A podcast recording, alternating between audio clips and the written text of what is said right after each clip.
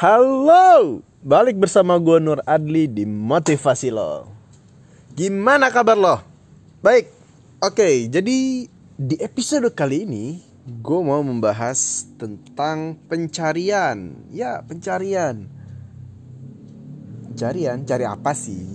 Gini, biasanya kalau kita pengen cari sesuatu, itu pasti bakal ketemu. Dan ini bisa diterapin dengan luas.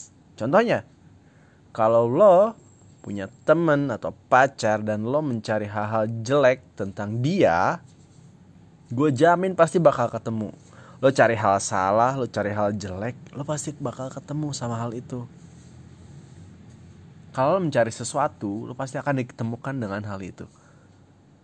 Yang mau gue sampaikan adalah daripada lo cari hal-hal jelek, hal-hal negatif, hal-hal yang gak baik, kenapa sih yang lo cari itu bukan hal yang baiknya, hal yang bagusnya, hal yang positifnya? Kalau lo berusaha nyari hal baik, hal bagus, hal positif, lo bakal ketemu dengan hal baik, hal bagus, hal positif. Tapi kalau lo hal, carinya hal jelek, hal negatif, ya lo akan ditemuin dengan hal jelek dan hal negatif juga. Kenapa? Soalnya ya lo ngapain cari hal jelek? Gunanya apa? Penasaran. Gak penting juga. Kecuali lo cuman mau menuhin ego lu ya. Tapi gue nggak tahu sih.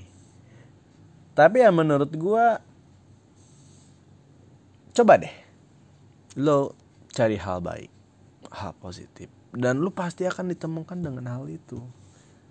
Gue lupa ini quote dari siapa cuman ada yang pernah bilang lo akan ditemukan dengan hal yang lo cari. Kalau terus nyari-nyari hal negatif ya lo akan ditemukan dengan hal itu.